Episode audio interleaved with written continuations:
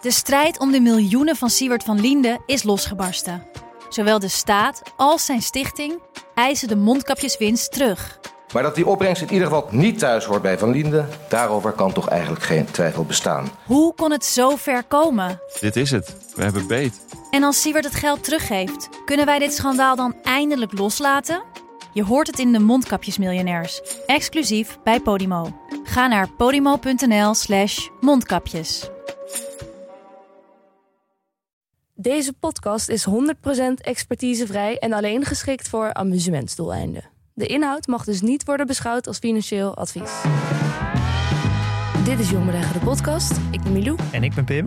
In deze aflevering hebben we het over monetair beleid. Ja, de ECB en de Fed, dus de centrale banken van Europa en de Verenigde Staten. Ja, en zij bepalen uiteindelijk de prijs van ons geld. En daarmee hebben ze dus heel veel invloed op de aandelenkoersen. We gaan het hebben over de havikken en de duiven. Ja, vogelspotten. En we hebben het over quantitative easing en tightening. Ja, we proberen wel een beetje politiek te vermijden deze aflevering. Inderdaad, want we gaan naar Frankfurt, niet naar Brussel. Ehm, zullen we beginnen? Ja.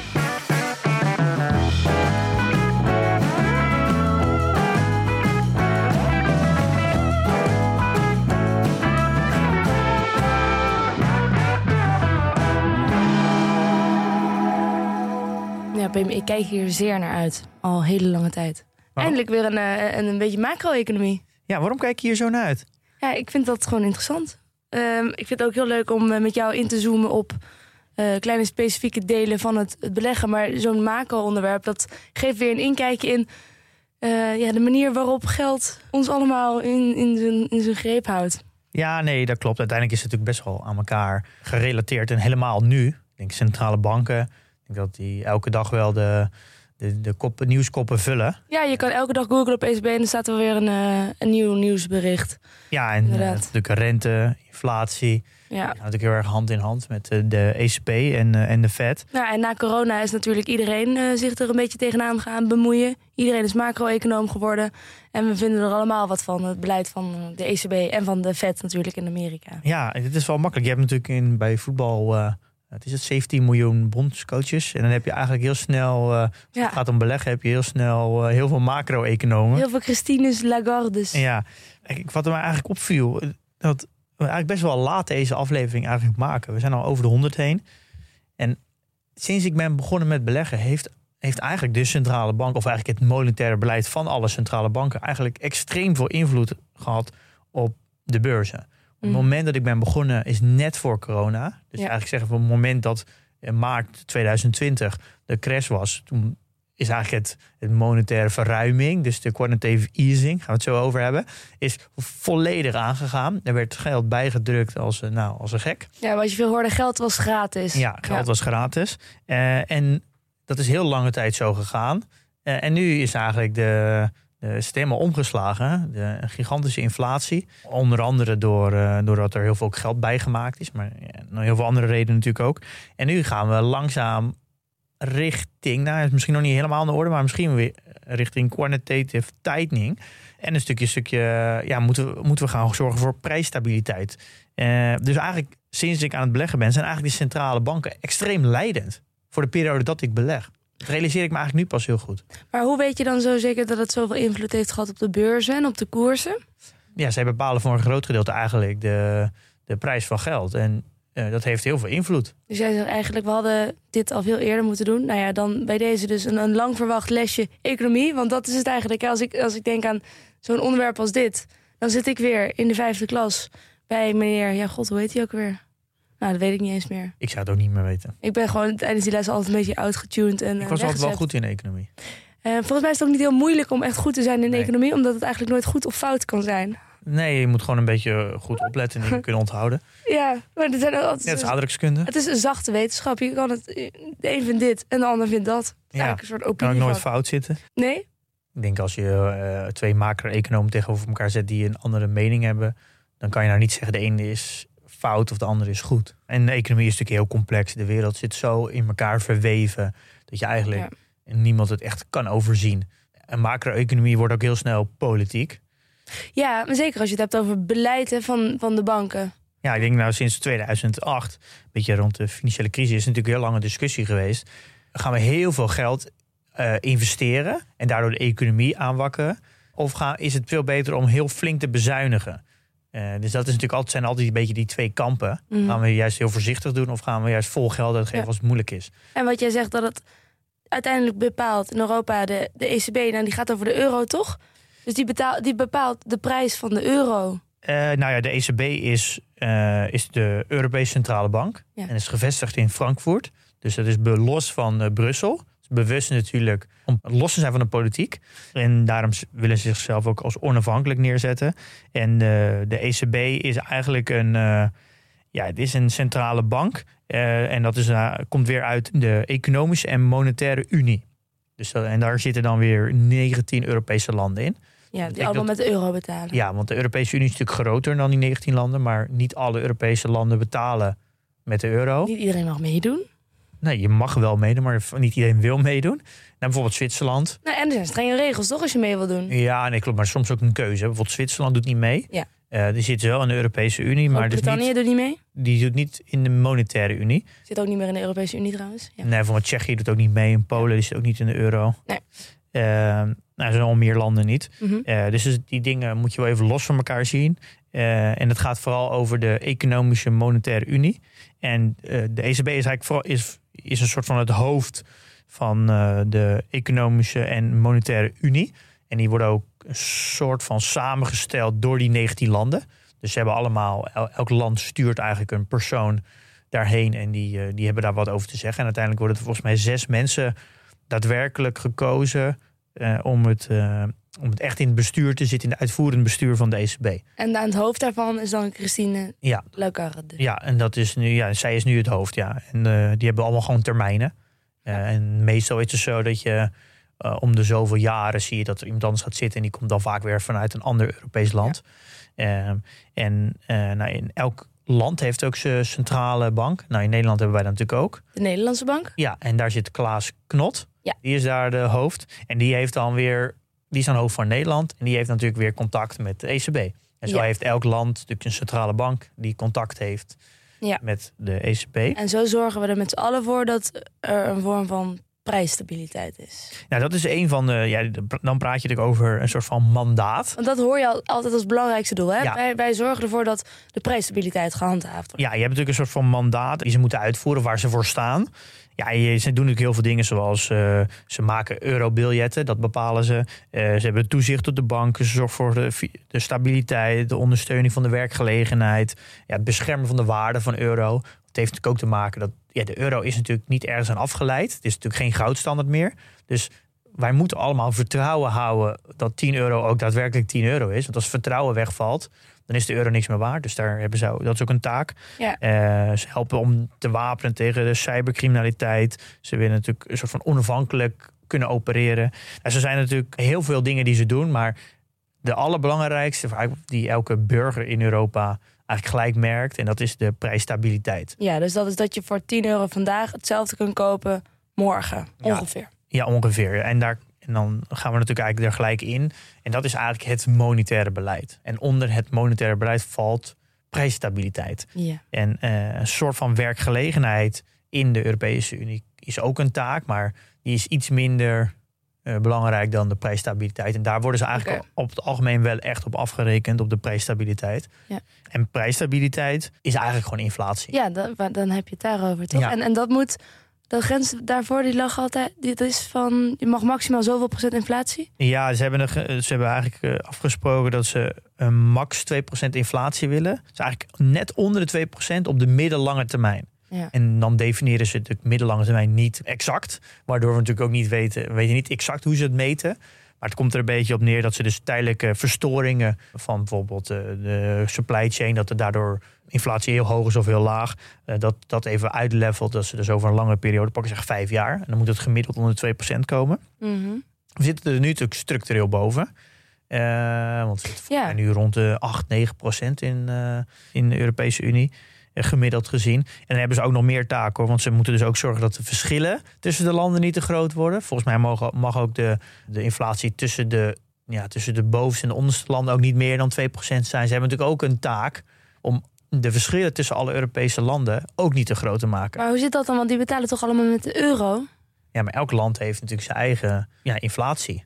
Ja, omdat de prijzen in een land eh, sneller op kunnen lopen dan in een ander Ja, als land. het Dat bijvoorbeeld nu is, eh, nou, bijvoorbeeld eh, oh, de prijs van energie heeft een altijd een heel, is heel, is, heeft heel veel invloed op de inflatie, maar ook de prijs van eten en drinken. Ja, Dus als je, als je een land hebt waar je je eigen energievoorziening hebt en je verzorgt al je eigen eten en drinken, dan is de kans heel groot dat je, eh, dat je, ja, dat je een lagere inflatie hebt. Als je alles moet importeren, ja, dan kan het zijn dat die inflatie verhoogd is. Ja. Dat betekent dus per land kan het verschillen. en dat is dus waarom je in Bosnië een, een, een halve liter bier kan kopen voor 50 cent. En dat het hier 5 euro is.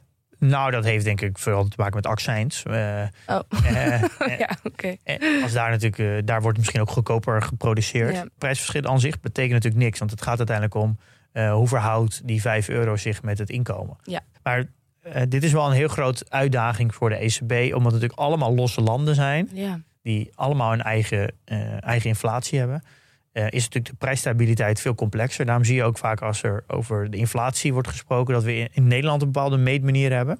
Maar dus is ECB de inflatie voor Nederland meet dat dat anders is. Omdat ze namelijk willen dat de, de manier van meten over elk land hetzelfde is. Zodat ze het ook met elkaar kunnen vergelijken. Ja.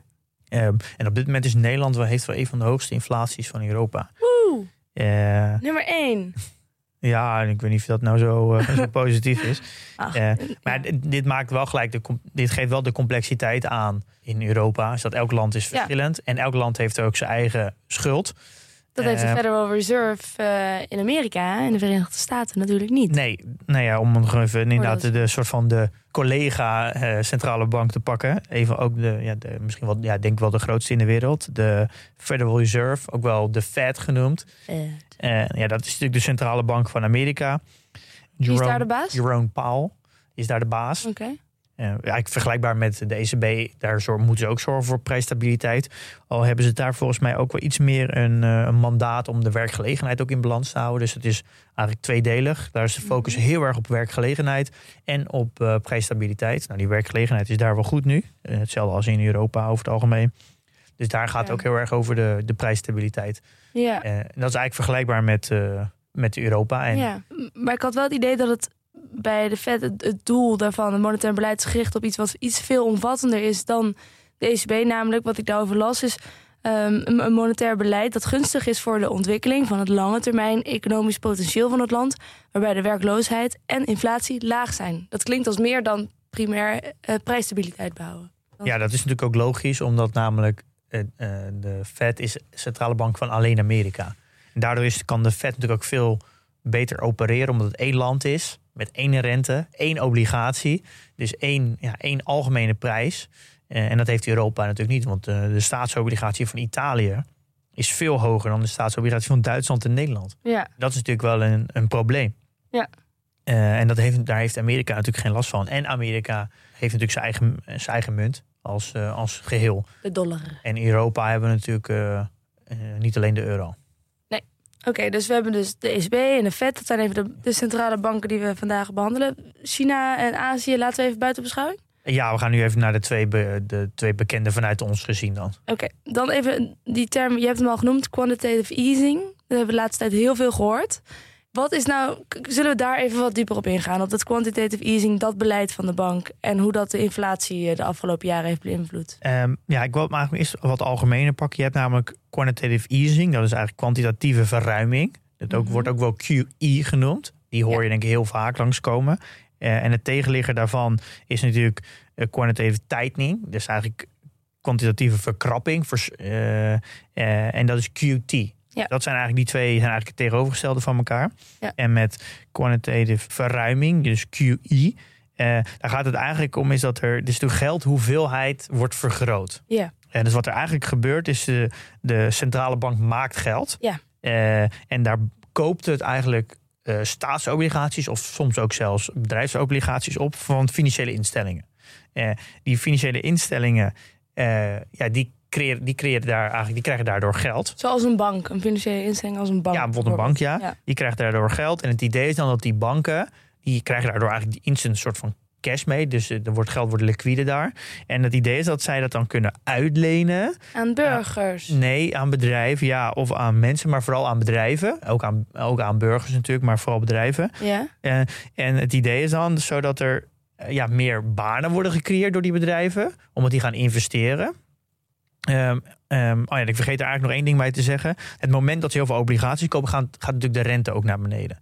En als de rente naar beneden gaat, wordt het dus goedkoper om geld te lenen voor bedrijven. Dus in de combinatie dat eh, banken dus veel geld krijgen en dat de rente naar beneden gaat, creëer je dus een situatie waar het dus interessant wordt voor bedrijven om geld te lenen. Want ten eerste, het is goedkoper. En ten tweede, banken hebben dus heel veel cash en die willen dat kwijt. Dus die hebben ook een incentive. Dus je creëert aan twee kanten een incentive. Bedrijven kunnen geld lenen, gaan dus heel veel investeren. Dat creëert Ja. weer banen. Ja. En dat als er meer mensen een baan hebben en, meer, en misschien ook iets meer kunnen verdienen, dan gaan ze meer uitgeven. En dat geeft een, een soort van boost aan de economie. Ja. Dat is een beetje het, het idee van QE. Ja. Dat is eigenlijk wat we hebben gezien vanaf maart 2020.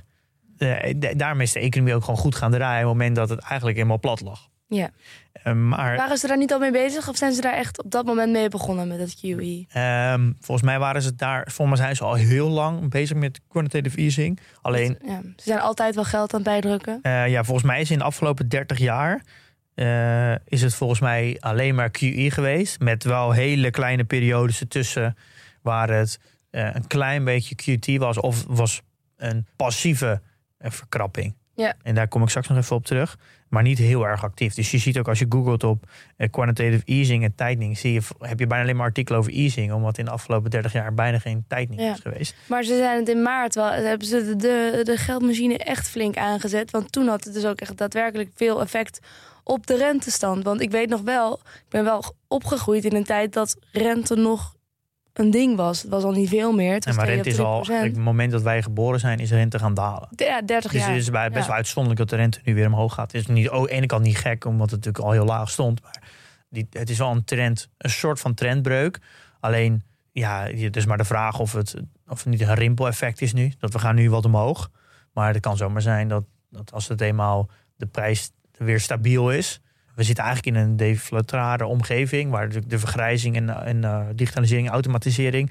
Dus als je het nu standaard weer naar 2% weet te brengen, ga je vanuit nature zak je eigenlijk al richting, denk ik, richting de nul. Met de reden die ik net vertelde. Waardoor je dus automatisch, als je dan weer richting 2% wil brengen, eh, moet je de rente weer wat verlagen. Dus dat kan ook zomaar weer zijn dat we Hmm. nu tijdelijk omhoog gaan. En als je misschien over een paar jaar kijkt, dat we toch wel weer verder gaan zakken. eh, als de prijs weer stabiel is. Mm. Ehm, ja, en het is, het betekent eigenlijk eh, ja, dat er gewoon eh, de hoeveelheid geld wordt vergroot. En de, de balance sheet van de ECB die wordt flink verhoogd. En zijn ze dit nog steeds aan het doen? Ja, wat gek is, volgens mij zijn ze dit nu nog steeds aan het doen. Het programma is nog niet helemaal afgelopen. Eh, ik weet niet exact, met rondom bij deze periode betekent dat het programma van het, het opkopen van, eh, van eigenlijk obligaties langzaam een beetje aan het stoppen is, volgens mij. Dus dit is, dit is een beetje het kantelpunt nu, denk ik. Ja, want we zien de rente zal weer stijgen. Ja, dat klopt. Eh, maar dat is natuurlijk een. eh, het, de, de, de, hoeveelheid is wel volgens mij verlaagd. De hoeveelheid wat? De hoeveelheid dat ze opkopen. Ik, Ja. ben, ik ben niet exact op de hoogte nu hoeveel ze opkopen. Maar Mhm. er is een, ze zijn het al aan het verlagen. En er gaat ook ergens Ja. een punt komen dat het programma afloopt en dat ze zeggen we gaan niet meer opkopen. Ja. Of we gaan heel selectief opkopen. En daar, daar wordt dat nu steeds, steeds meer politiek in, bij de ECB. We hebben natuurlijk heel veel verschillende Europese landen. En nu zie je al dat de rente in volgens mij Italië, die loopt al echt al 2% verder op dan die van Duitsland en Nederland. En dat is natuurlijk wel een serieus probleem. Dat je de renteverschillen in Europa gaan steeds meer uit elkaar lopen. En dat is natuurlijk best lastig. Eh, en daardoor merk je dat het steeds meer politiek wordt. Waardoor als ze gaan inkopen, dat ze misschien, daar gaan nu heel veel discussie over. Moeten we dus niet veel meer als ECB, veel meer alleen maar de, de, dus van de zuiderlanden de obligaties opkopen om daar de rente te drukken. Ja. Zodat we veel meer boel in balans houden. Want het is niet leuk voor die landen om een hoge rente te hebben, omdat zeker in de coronatijd te veel schulden zijn gekomen. Ja, dan, En die moeten dat dan in één keer terug gaan betalen met hogere rentes. ja, maar dan krijg je natuurlijk weer de discussie. Is dat vooral alle Zuid-Europese landen hebben hele hoge schulden. Eh, Ja, dus zij worden dan dubbel ja, genaaid, je- zeg ik even tussen aanhalingstekens. Eh, want ze zitten natuurlijk ook wel een beetje. Ze hebben ze zelf ook Ze eens mee te maken. ze zijn zelf verantwoordelijk voor schulden. Ja. En dan krijg je dan, daardoor wordt het natuurlijk politiek. Eh, want dan betekent eigenlijk dat alle eh, Noord-Europese landen moeten gaan betalen voor de schulden in het zuiden van Europa. En dat is natuurlijk een constante discussie. En daardoor wordt het heel snel politiek, omdat alle populistische partijen in Europa die zijn ook tegen, vooral tegen Europa. Ja. En waarom zouden we voor een ander betalen? Zit eigenlijk ook wel weer wat in. Als Italië is er een beetje bekend om, of er is een, zijn berucht dat er weinig belasting wordt betaald. Ja. Als zij geen belasting betalen, waarom zouden wij hier hardwerkende Nederlanders die wel veel belasting betalen, dan de schulden moeten gaan betalen ja, die maar zij dat daar hebben? een hele. Het is natuurlijk echt een soort van eh huistuin- en keukenredenering. Want ja, Dankjewel. je, je kan natuurlijk helemaal niet overzien eh, hoeveel voordeel Nederland überhaupt houdt uit überhaupt in zo'n euroland zitten. Wij zijn natuurlijk een heel. Wij over, exporteren over het algemeen heel veel. Maar waarom is dat niet te overzien? Want dat zou toch te berekenen moeten zijn? Waarom berekent niemand dat dan als nou, het dat is heel, is? dat komt meer omdat jij dat gewoon niet ervan op de hoogte bent. Dat Nee, ik heb het nog letterlijk nog nooit een doorberekening gezien van wat nou heel veel- heel oplevert. Er zijn heel veel economen die al heel, heel erg duidelijk hebben doorberekend dat het voor Nederland onderaan de streep veel voordeliger is om gewoon in de Europese Unie te blijven mee te betalen aan alle schulden. Eh, omdat wij over het algemeen als rijk exportland ve- extreem veel profiteren van de Zuid-Europese landen. Eh, omdat dat eh, een heel goede afzetmarkt voor ons is. Dus er zijn ook heel veel economen die dat allemaal hebben uitgerekend. Alleen eh, dat is ook een beetje, daarom is het economie heel snel politiek. Want er, Ja. je, je kan op heel veel manieren rekenen. Nou, gelukkig dat ze in Frankfurt zitten en niet in Brussel. Anders Ja. zou het helemaal een, eh, een potje worden. Maar dat is dus een, een, net als dat een, een krant, een journalist ze zegt dat hij onafhankelijk is. Maar uiteindelijk is een, een telegraaf heeft een hele andere invalshoek dan een, de Volkskrant of de correspondent. Dus die hebben allemaal toch een politieke kleur. Dus je bedoelt eh, dat de bank dat ook heeft? Ja, dat hebben natuurlijk ja, economen ook en banken. Want neem bijvoorbeeld een eh, die ook heel vaak langs ziet komen: de havikken en de duiven. Dus de, de hawks en de, de doves. Die term hoor je heel vaak langskomen. En dan heb je, hoor je vaak of het eh hawkies is of dolfies. En dat houdt eigenlijk een beetje in. Is eigenlijk een benaming voor een politieke invalshoek, zo kan je het wel een beetje zeggen. Is dat de, de havikken stemmen voor een strakker monetair beleid. Dus hogere rentetarieven met, de, ja, eigenlijk met als doel om de inflatie onder controle te krijgen. Mhm. Eh, en eh, meer de, de duiven, die doen eigenlijk meer van ja, we, we moeten wat meer, eh, we mogen best wel wat schulden hebben. We, we moeten zorgen dat de economie goed blijft draaien. Die geven daar meer voorkeurs aan. En als er dus altijd gesproken wordt over, over een komend beleidsvergadering, dan wordt er altijd een soort van eh, havik en duiven geteld. ja. Want-. Er zijn altijd 21 mensen die mogen stemmen bij de ECB. Dat doen ze natuurlijk bewust. Daardoor is er dus altijd een kant.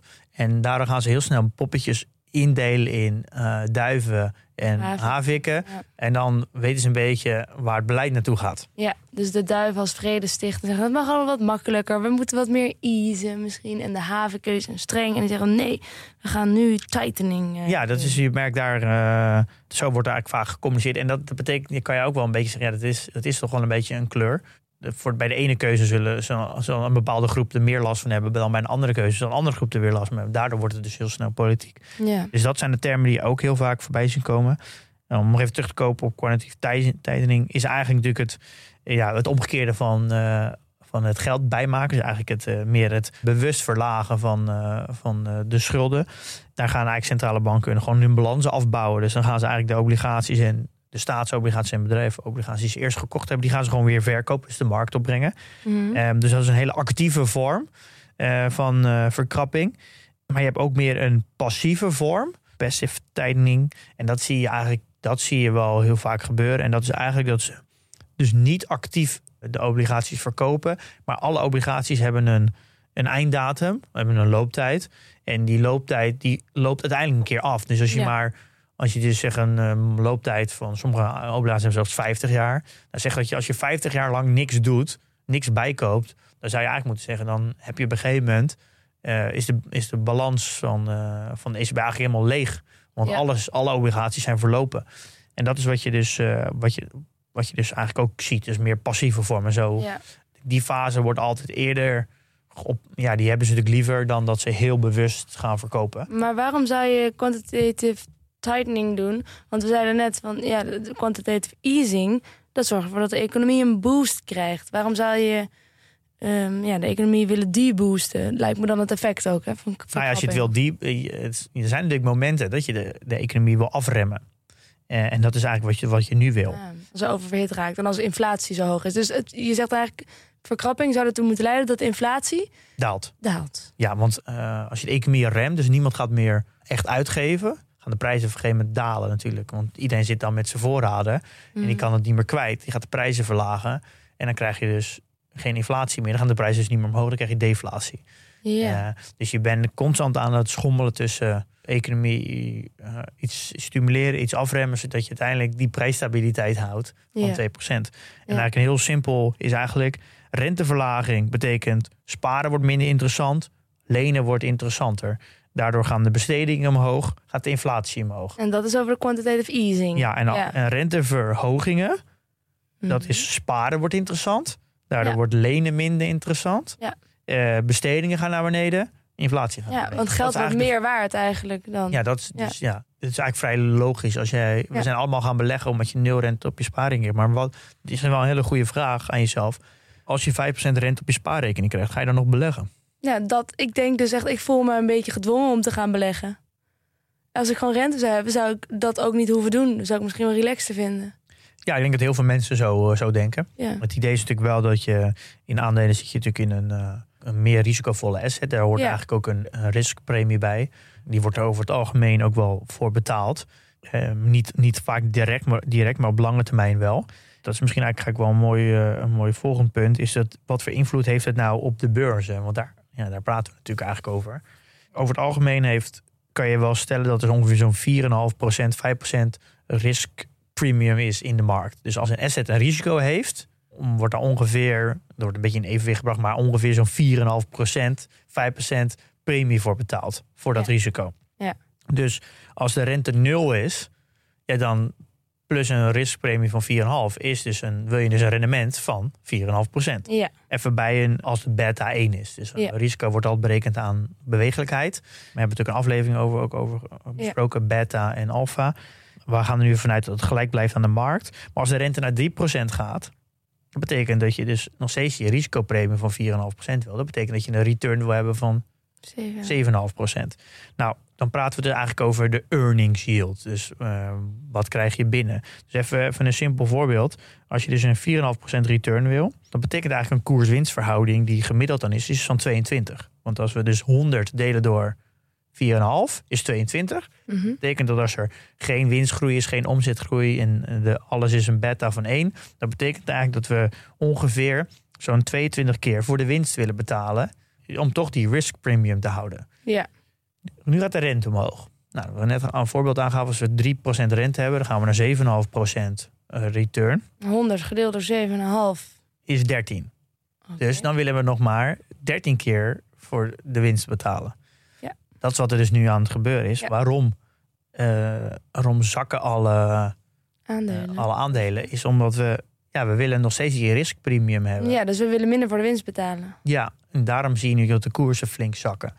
Je ziet Ah, dus zo heeft het invloed op de beurs. En dat bedoel je ook als je dus zegt van ja, uiteindelijk heeft de afgelopen jaren heeft het beleid van de ECB en van de Fed eh, gewoon heel veel invloed gehad op de waarde van de koersen. Ja, zo werkt het in principe wel. En kijk, je kan zeggen, in theorie zou het dus nu niet zo moeten zijn. Maar dat is wel hoe mensen reageren. Dus mensen reageren daar nou eenmaal zo Precies, op. en dat is de emotie die erin zit. Ja, Want dat- er verandert niks aan de intrinsieke waarde natuurlijk van een bedrijf in principe. Nee, dat is ook het punt dat het invloed heeft op de beurzen. Ja. Eh, en vooral door in de hoofden van mensen. Daarom zie je ook dat in de afgelopen tijd, vanaf, zeggen we vanaf maart 2020, eh, zijn de koersen veel harder gestegen dan de winsten. Ja. Dus dat betekent eigenlijk dat er dus een, een multiple expansion is geweest. En dat heeft- geld moest ergens naartoe. Ja, dat heeft voornamelijk te maken dat de rente naar beneden ging. Ja. Eh, waardoor we net zeggen, dan zijn mensen bereid om meer te betalen voor eh, de winst. Ja. Om nog steeds dezelfde risk premium te houden. Ja. Nou, nu gaat de rente omhoog. Dan krijg je dus een multiple decreasing. Eh, en dat is wat er dus nu gaande is. En ja, dat is eigenlijk een ja, heel logisch gevolg eigenlijk. Ja. Dus je kan denk ik wel terugrekenen. Dat heb ik natuurlijk niet gedaan. Maar als, dus de, als je gemiddeld over een lange periode een, een koers-winstverhouding van 15 betaalt. Bij Mhm. gelijkblijvende winsten en, en, en omzet. Dan ja, moet je, weet ik even niet uit mijn hoofd, maar dan zal je denk ik uitkomen op een rente van, eh, van denk ik 2, 2 of zo. Eh, maar we leven natuurlijk niet in zo'n, in zo'n geïsoleerde wereld die ik nu schets. Want je hebt natuurlijk ook eh, winstgroei en zo. En je hebt bedrijf die kunnen het herinvesteren. En je hebt omzetgroei. Dus groei zit, is natuurlijk ook een onderdeel van, van de multiple die je betaalt. Maar dit geeft even het concept aan dat hogere rente betekent over het algemeen een verlaging van de, van de bereidheid die mensen willen betalen voor de winst. En Ja. de- het wordt heel vaak uitgelegd als ja, de, de, de alle waarderingsmodellen, bijvoorbeeld het DCF-model, worden daar een, wordt er een andere rentevoet in meegenomen. Daardoor zijn de winsten in de toekomst die worden gedisconteerd tegen een hoog tarief, waardoor en dat is een heel complex verhaal, of complex. Het, Ja. het is wat complexer uitgelegd aan de hand van waarderingsmodellen, maar in, in de basis is eigenlijk gaat het altijd om de earnings yield. Ja. Is dat als je ergens in investeert, verwacht je een bepaald rendement en dan wil je gecorrigeerd worden voor risico. En de prijs van geld, dat is dus de rente, die heeft daar heel veel invloed op. En wie bepaalt de rente? SB. Ja, nou, zo is het plaatje een beetje rond. Natuurlijk, ik weet dat- de financiële wereld heel complex is. Dus dit is een simpele uitleg. Dat is Mhm. gelijk even een disclaimer erbij. Maar in grote lijnen werkt het zo. Dit kan je ook direct op de beurzen zien. Als de centrale bank, de Fed, een vergadering heeft. En dat zie je bij de Fed veel beter. De beurs is open en de Fed heeft een vergadering. Dan zie je gewoon het moment dat, dat die vergadering plaatsvindt. Dus de persconferentie van, eh, na die vergadering. Kan het zo zijn dat die koersen gewoon compleet switchen. Ja. Die gaan van min anderhalf gewoon in één keer naar plus twee. Ja. Gewoon echt in een, in een half uur, een uur. En dat zijn gigantische swings. Dus de presentaties van de Fed hebben heel veel invloed op de koersen. Dat is logisch eigenlijk, want dat betekent, Ja. wat ik net uitleg. De prijs van geld Ja. Eh, bepalen zij. Ja. ja, daarom zie je ook dat nu de inflatiecijfers, die zijn weer heel erg bepalend voor het beleid van de Fed. Dus als de inflatiecijfers, die vielen laatst, die was volgens mij 8,3 verwacht en het werd 8,6, zie je gelijk de beurzen extreem reageren. Omdat die al denken, hé hey, wacht even, de inflatie is hoger dan verwacht. Oké, dan gaat moet de Fed weer op reageren. Dus misschien gaan ze dus sneller de rente verhogen. Zo gaat, het, zo Ja. gaat die redenatie steeds verder door. Ja. En dan misschien nog als laatste om toe te voegen waarom die prijsstabiliteit zo belangrijk is. Is als, je, eh, als die inflatie heel hoog is, dan zijn mensen steeds, ja, dan wordt het steeds duurder. Eh, en als, als je lonen niet meestijgen, dan ja, komen steeds, steeds meer mensen in de problemen. Ja. Eh, want inflatie raakt echt iedereen, daar ontkom je gewoon niet aan. En aan de andere kant, als je dus deflatie hebt, dan wordt alles dus goedkoper. Oh, Ja. Dus dan ga je dus. eh, Ga je sparen omdat het morgen goedkoper is. ja, dan ga je je, je, je, je uitgaven uitstellen. Want je denkt, Ja. ja. het is toch over een maand weer goedkoper of over twee maanden. Ik wacht nog wel even met die verbouwing. Ik wacht nog met die kopen van die auto. En dan rem je de economie. Dus 2%, net iets onder 2%, is een soort van sweet spot. Waardoor mensen niet het gevoel hebben dat alles heel veel duurder wordt. Mhm. Eh, en vaak kan je salaris daar ook wel een beetje in mee achteraan kabbelen. Met een verhoging. Dus het is, doet niet, niet echt pijn. Dus je hebt niet het gevoel dat er inflatie is. Je Je gevoelsinflatie. koopkracht blijft ongeveer hetzelfde. Ja, ongeveer hetzelfde. Maar het wordt wel ietsje duurder. Waardoor Ja. je niet het gevoel hebt dat het nuttig is om aankopen uit te stellen. Dus dat is een soort van sweet spot. Ja. Daarom, daar mikken ze daar een beetje op. Ja. Ja, ja, ja. We hebben trouwens een hele aflevering gemaakt over, eh, over inflatie. Precies. Als je denkt, huh, waar hebben ze het ook weer over? Dan moet je Nou, die even terugluisteren. Dan Zes en, snap ik eh, het weer. 76. 76.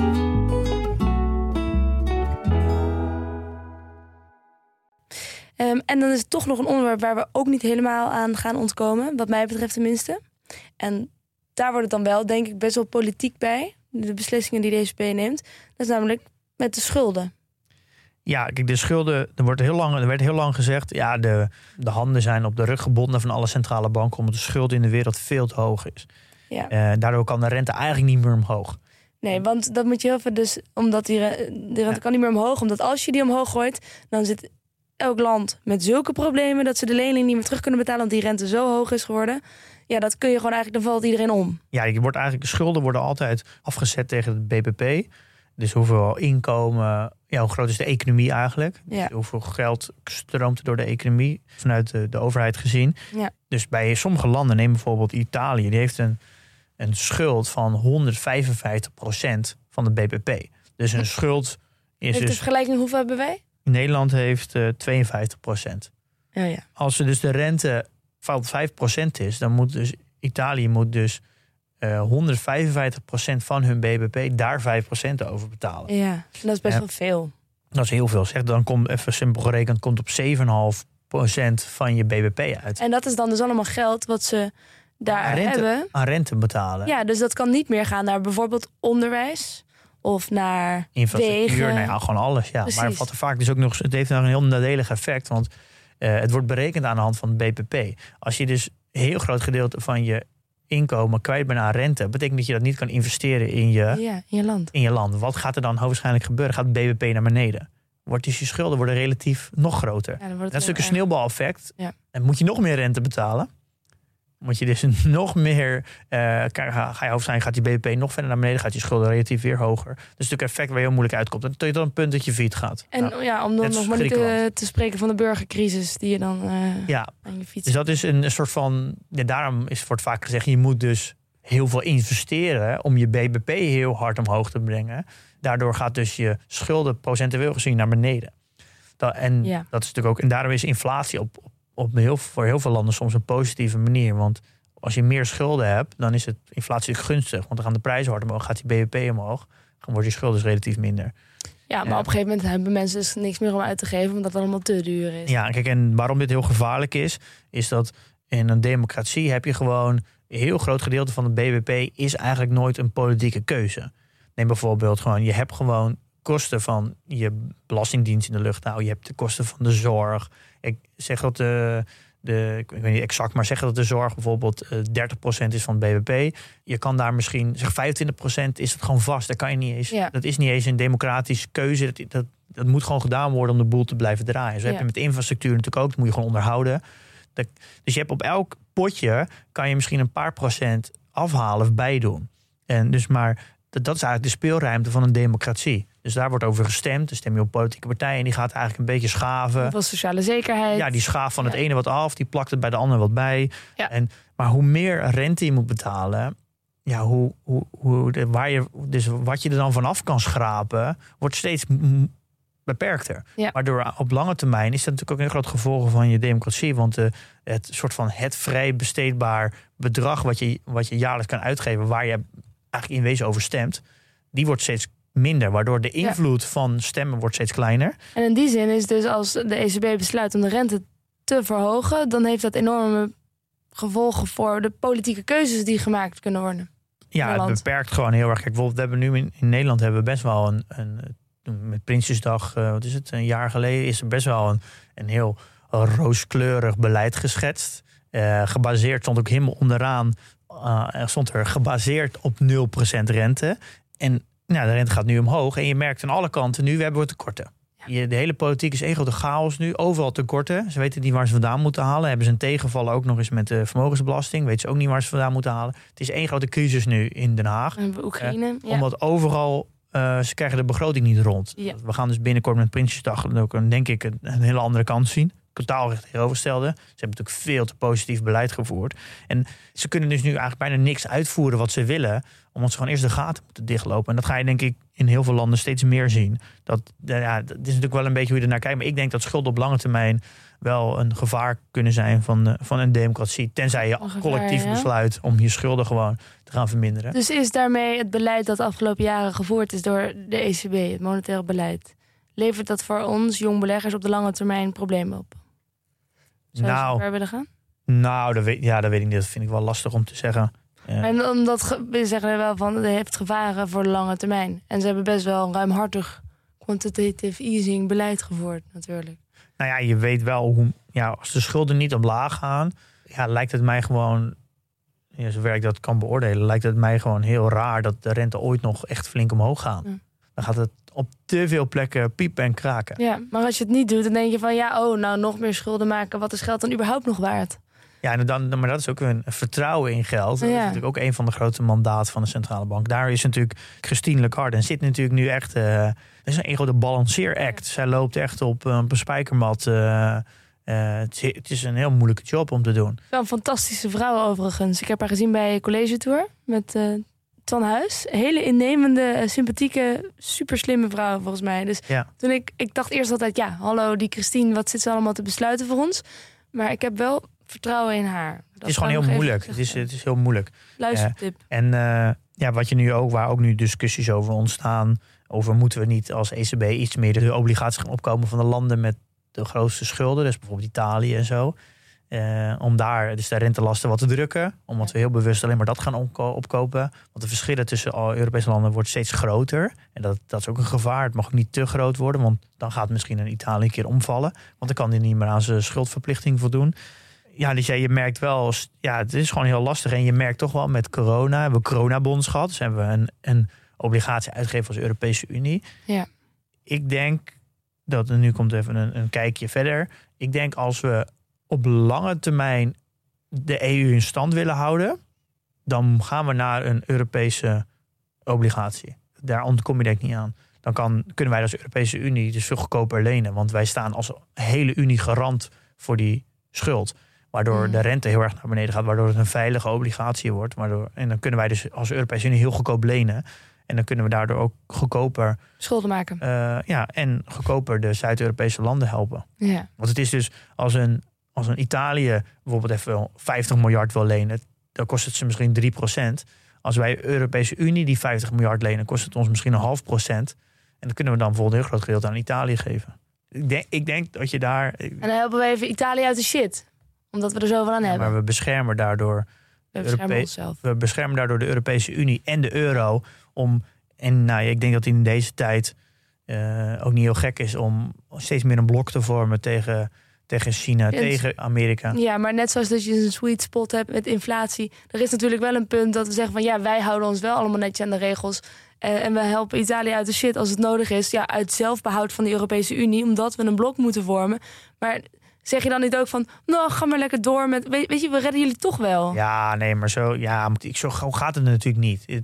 Met, al, alles, met alles komen, komen natuurlijk regels. Maar ja, dit is een, het is een balanceeract. Waar, waar vervolgens niemand zich aan houdt.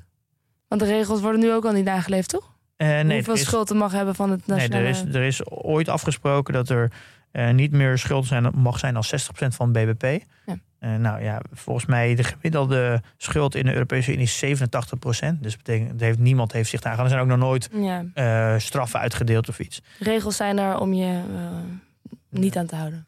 Eh, in de Europese Unie niet. Eh, dit Ja. maakt het ook gewoon heel lastig. Eh, en dit Ja. blijft dus in elk land is dit dus altijd een heel groot onderdeel van ja, de verkiezingen, de Europese Unie. En je ziet elke keer als er een crisis is, dus met de coronacrisis, de financiële crisis, de oorlog in Oekraïne door Rusland, zie je dat er dan we komen weer iets dichter bij elkaar. Dan in één keer als in een crisis, dan kunnen we in één keer wel besluiten nemen. En ik denk dat de weg van de Europese Unie is gewoon, als het goed gaat, dan zijn we het allemaal niet met elkaar eens. En dan gaat het een keer ergens fout. En dan, dan komen we toch maar weer met z'n allen saamhorig bij elkaar. En dan komen we weer een stapje verder. Het is een soort van een paling-fuik. We gaan elke keer een soort van verder die fuik in. Omdat we gewoon niet anders kunnen. Eh, en het, het kan zomaar zijn dat als er te veel eh, ja, nationale partijen aan de macht komen die, die anti-Europa zijn. Dan kan het natuurlijk zijn dat het ooit uit elkaar valt als er echt grote landen gaan uitstappen. Als we natuurlijk nu de brexit hebben gehad. Als we natuurlijk dit nog vijf, zes keer hebben. Ja, dan kan je natuurlijk afvragen wat heeft dan de Europese Unie voor zin als er, als er heel veel landen uitstappen. Hm. Maar ja, dan hebben we echt wel een probleem. Want dan eh, is de euro ook niets meer waard. Ja, Gaan we, ja, dan moet iedereen weer een soort van nationale munt. Of gaan we dan een ja nee jongens. noordelijke euro krijgen. Ja, het is, Dat wordt ook niet leuk. nee, het is, het, is, Dus in die zin zitten we ook een beetje in een, gewoon een lastig pakket. het is een heel lastig pakket. En daardoor is het, Ja. nou, het is ook heel politiek. Ja. Daarom moet je er eigenlijk ook een beetje van wegblijven om hier over te praten. Eh, en als belegger zijn, heb je, moet, als belegger moet je ook hier eigenlijk ook helemaal niet mee bezig zijn. Het heeft helemaal geen zin. Want wel op lange termijn volgt uiteindelijk de beurskoers gewoon de fundamentele, Ja. ja, de, de fundamentals van een bedrijf. Ja. Alleen in de korte termijn kunnen, kan zo'n beleid kan wel heel veel effect hebben op de prijzen. Maar op echt lange termijn is het eigenlijk het altijd, zijn altijd de fundamentals die winnen. Ehm, Maar toch is het handig om te snappen hoe het werkt. Zeker, want dit, dit zeker wel. En dan kan je ook veel beter verklaren waarom alle koersen nu zakken. Ja.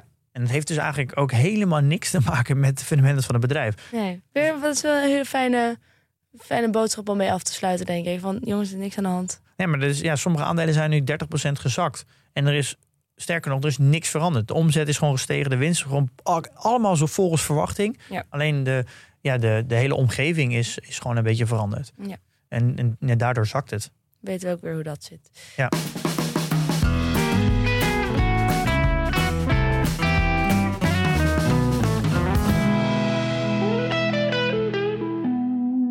Hebben we een, eh, een update van de PDT? Jazeker. Ja, jij stuurde mij iets door van de week. Nieuwe, hoe zeg je dat ook alweer? Ja, hoe zeg je dat nou? Een nieuwe prestatie-performance grafiek. Ja, dit is iets waar ik, eh, waar ik heel trots op ben. Dit is een beetje de, ja, dit is een beetje de kers op de taart van een tracker. Dit is wat iedereen natuurlijk wil. Je wil een mooie grafiek over een zelfgeselecteerde periode. Waar je mooie een performance ziet, gewoon in percentages. Ja. En dan als, het, als je naar de min gaat, moet die rood worden. Als je naar de plus gaat, moet die groen worden. En dan wil je dus, dus je wil hem cumulatief zien. En dus je wil gewoon periode year-to-date selecteren. Hoeveel rendement heb ik year-to-date? Je wil misschien een jaar selecteren of misschien vanaf de start. En dan kan je dus mooi je performance zien. En je wil eigenlijk ook zien eh, wat de performance is per periode. Dus bijvoorbeeld eh, gewoon puur in percentages. Dus eh, wat is het in week eh, 32? Wat is het in week 31 geweest? Wat is de performance in maart geweest? En in, eh, we, kunnen al, we laten alles nu zien. Het is allemaal gebaseerd op de money rated rate of return. Wat een internationale standaard is hoe je rendements berekent. Dus dit is gewoon een, eh, ja, exact hoe het moet zijn. Eh, Wauw. en dit is natuurlijk dit is de basis. En daar overheen, daar gaan we, zijn we nu mee bezig, gaan we de benchmark leggen. Ah, En daar gaan dus we dan dus- kun je echt zien hoe je... kan je jezelf benchmarken tegen S&P, tegen de AEX, tegen Ja. de Nasdaq, nou, wat je wil. Ja, dit is natuurlijk wat je eigenlijk wil. Je wil gewoon weten wat zijn je performance. Eh, zowel in absolute getallen, dus hoeveel rendement heb ik gewoon in euro's gemaakt. Maar ook hoeveel rendement heb ik in percentages. Ja. En die zijn eigenlijk veel belangrijker. En dan, ja, dat hebben we nu gemaakt en het is voor iedereen eh, toegankelijk nu. Iedereen die al een PDT-account heeft, die kan dat nu gewoon zien. Ja, eh, nee, heb je nog geen PDT, neem even een kijkje in de show notes. Dan zie je een screenshot hoe het eruit ziet. Dan kan je mijn portfolio ook zien. Dan zie je ook de performance. Ja. Ja, het ziet er fantastisch uit. Dit is een beetje wat een... Dit is de functie, het misten we echt nog om een tracker echt een tracker te maken. Mooi. Dus daar ben ik, heel ga trots op. Ik ga meteen een, eh, een nieuw CSV'tje uploaden. Dan kan ik het ook zien. Ja. Ga ik zeker doen. Ben je een beetje tevreden over je rendement? Eh, Is het een indrukwekkende grafiek die jij laat zien? Nou, het is, nou, het, is, het is wel een indrukwekkende grafiek in de vorm van dat ik heel hard in de min ben gegaan Ja. eh, toen ik net begon. Nou, dat kan je ook in mooi in de grafiek zien. Het een hele diepe spijk in het rood. Mm. En nou, corona. Ja, Spike, dan, dat noem ik dan toch echt wel een dal hoor. Oh, oh ja, sorry, een hele diepe dal. Eh, in maart, april eh, 2020. Een Nou, toen lopen, liep het heel hard op. Dan heb ik dus op een hoogtepunt op bijna 60% rendement gestaan. En dat is ergens november vorig jaar. En vanaf dat moment is het één grote eh, weg naar beneden. Tranendal. En eh, de laatste tijd schommel ik elke keer tussen eh, min 1, plus 3, min anderhalf. En dan een beetje daar schommelen. Dan zie je ook in de grafiek dat, dat hij de laatste, als je inzoomt in het laatste stuk, zie je dat hij eh, groen, rood, groen, rood, groen, rood wordt. Dus het, Het ja, dat geeft net kerstmis in jouw grafiek. ja, het is, eh, er gebeurt een hoop. Dus het is wel heel mooi om, eh, om, om te zien. Ja. Eh, en ik schommel qua rendementen een beetje tussen de S&P en de Nasdaq. En dat is ook niet heel gek, omdat ik overwegend technologie heb. Ja. Maar niet 100% technologie, dus ik zit een beetje daartussen. Lopen meteen eh, vloeiend over in jouw eh, portfolio update? Eh, ja, ik heb niks gedaan, dus ik heb eh, ook niks te vertellen eigenlijk. Oké, ik ook niet. Hoezo koop jij eigenlijk niet maandelijks bij? Dat deed je toch altijd? Ja, dat doe ik wel. Dat doe ik nog wel. Oh, dat doe je wel? Ik heb één maand overgeslagen, omdat ik toen even een financiële tegenvaller had. Oh. Maar nu doe ik wel weer, eh, ja. Ja, als je hem... En ik heb nu ook weer gewoon echt, het gaat goed joh, de business. Oh, kijk, Inkomsten, ik ga weer even lekker hoor. aandelen kopen. Je hebt nog een tip, je stuurde hem ook al door naar mij van de week, van eh Aswat Damodaran. Die was te gast in een podcast. En die moest ik luisteren van jou. Als je je goed herinnert, hebben we hem ook in aflevering 90 getipt. Ja, Eh, met zijn soort van YouTube college over waarderen. Hij is een eh, professor aan de New York University, de, de Stern School of Business. mhm. En ja, hij, sch- hij schrijft heel veel blogartikelen, boeken, YouTube. Maar al zijn wijsheden, al zijn kennis over waarderen, die geeft hij een soort van gratis weg. Daar hebben we hem vorige keer over getipt in aflevering 90. ja. Je vond zijn kijk op eh, het waarderen van aandelen verfrissend. Ja, hij heeft een hele leuke kijk, want hij combineert heel goed. Zijn, zijn dingen heel story en numbers. Dus de nummers moeten kloppen met het verhaal wat jij maakt over het bedrijf. En als je vanuit de nummers eh, invalshoek hebt, dus als je vooral alleen maar naar de cijfers aan het kijken bent, dan moet het verhaal moet dat, moet dat dekken. Ja. En hij is heel, vind ik heel mooi dat hij combineert gewoon heel erg die nummers en het verhaal van beleggen heel erg goed. En dat, ja, dat is volgens mij denk ik de sweet spot van beleggen. Hm. En in de aflevering eh, Invest Like the Best met Patrick O'Shaughnessy gaan ze daar, gaat hij twee uur lang in gesprek. Eh, en er worden allemaal vragen gesteld over zijn kijk op heel veel verschillende type bedrijven. Over Tesla, over Apple. En hij heeft daar ja, gewoon een hele leuke kijk op bedrijven die hé, hey, is wel interessant. En ook zijn gedachten over ESG, over ESG ook, ja. En, En over eh, disruptie en over een alfa maken en over wanneer heb je nou een edge en over inflatie. Ja. En natuurlijk gaat het over story beleggen ook. Ehm, Hij geeft ook nog natuurlijk hebben over Katie Woods even, die die een soort van Ja. steek onder water geeft. Oh, Eh, heel verfrissend. het is twee uur lang duurt het. Ik vond het een heel leuk gesprek. Dit zijn echt de podcast afleveringen die ik heel erg, waar ik heel erg van hou. Omdat iemand krijgt gewoon een podium twee uur lang. En die geeft gewoon, zet gewoon een soort van luikje in zijn hoofd open. En die begint maar gewoon Ja. te sputteren. Gewoon, eh, gewoon twee uur lang alleen maar informatie te, te dumpen in je oor. Ik, vind het, eh, ik vind het een hele leuke aflevering. Zeker de moeite waard om te luisteren. Nou, een warme aanbeveling. Ehm, nou, tot zover deze aflevering denk ik dan over de ECB en de Fed. Ik hoop dat we er wat van opgestoken hebben. Wat gaan we volgende week doen? We hebben weer een gast, hè? Ja, ehm, we gaan het even hebben over eh, ja, beleggen voor een collectief pensioen. Eh, ik heb daar zelf helemaal niks mee te maken. Ik ook niet meer. Nee, jij ook niet. Al heb jij wel een gedeelte nog collectief pensioen natuurlijk van Ja. je werkgever, van je vorige werkgever. Ja. En ja, ik, dit is een onderwerp die ik graag wel een keer wil behandelen, omdat ik er zelf heel weinig van af weet. En toch best wel veel mensen hebben daarmee te maken. Mhm. Ik denk dat overwegend zijn alle mensen die in loondienst zijn, hebben te maken met een collectief pensioen. Nou, er is ook heel veel om te doen met de, de pensioenakkoorden nu. eh, waar, ja, hoe gaan we ermee om? Welke generatie krijgt, krijgt een soort van de lasten? Hmm. En we gaan, daar kom, gaan we met een gast doen, Thijs Knaap. En hij is chief economist bij eh, APG Asset Management. En dat is eigenlijk de grootste pensioenbelegger in de wereld. Ze beheren het meeste pensioengeld. En het is natuurlijk al iets heel interessants nu dat, dat deze tijden zijn extreem gunstig voor pensioenen. Oh, Maar alle koersen zijn hard aan het zakken. Hoe kan dat? hmm.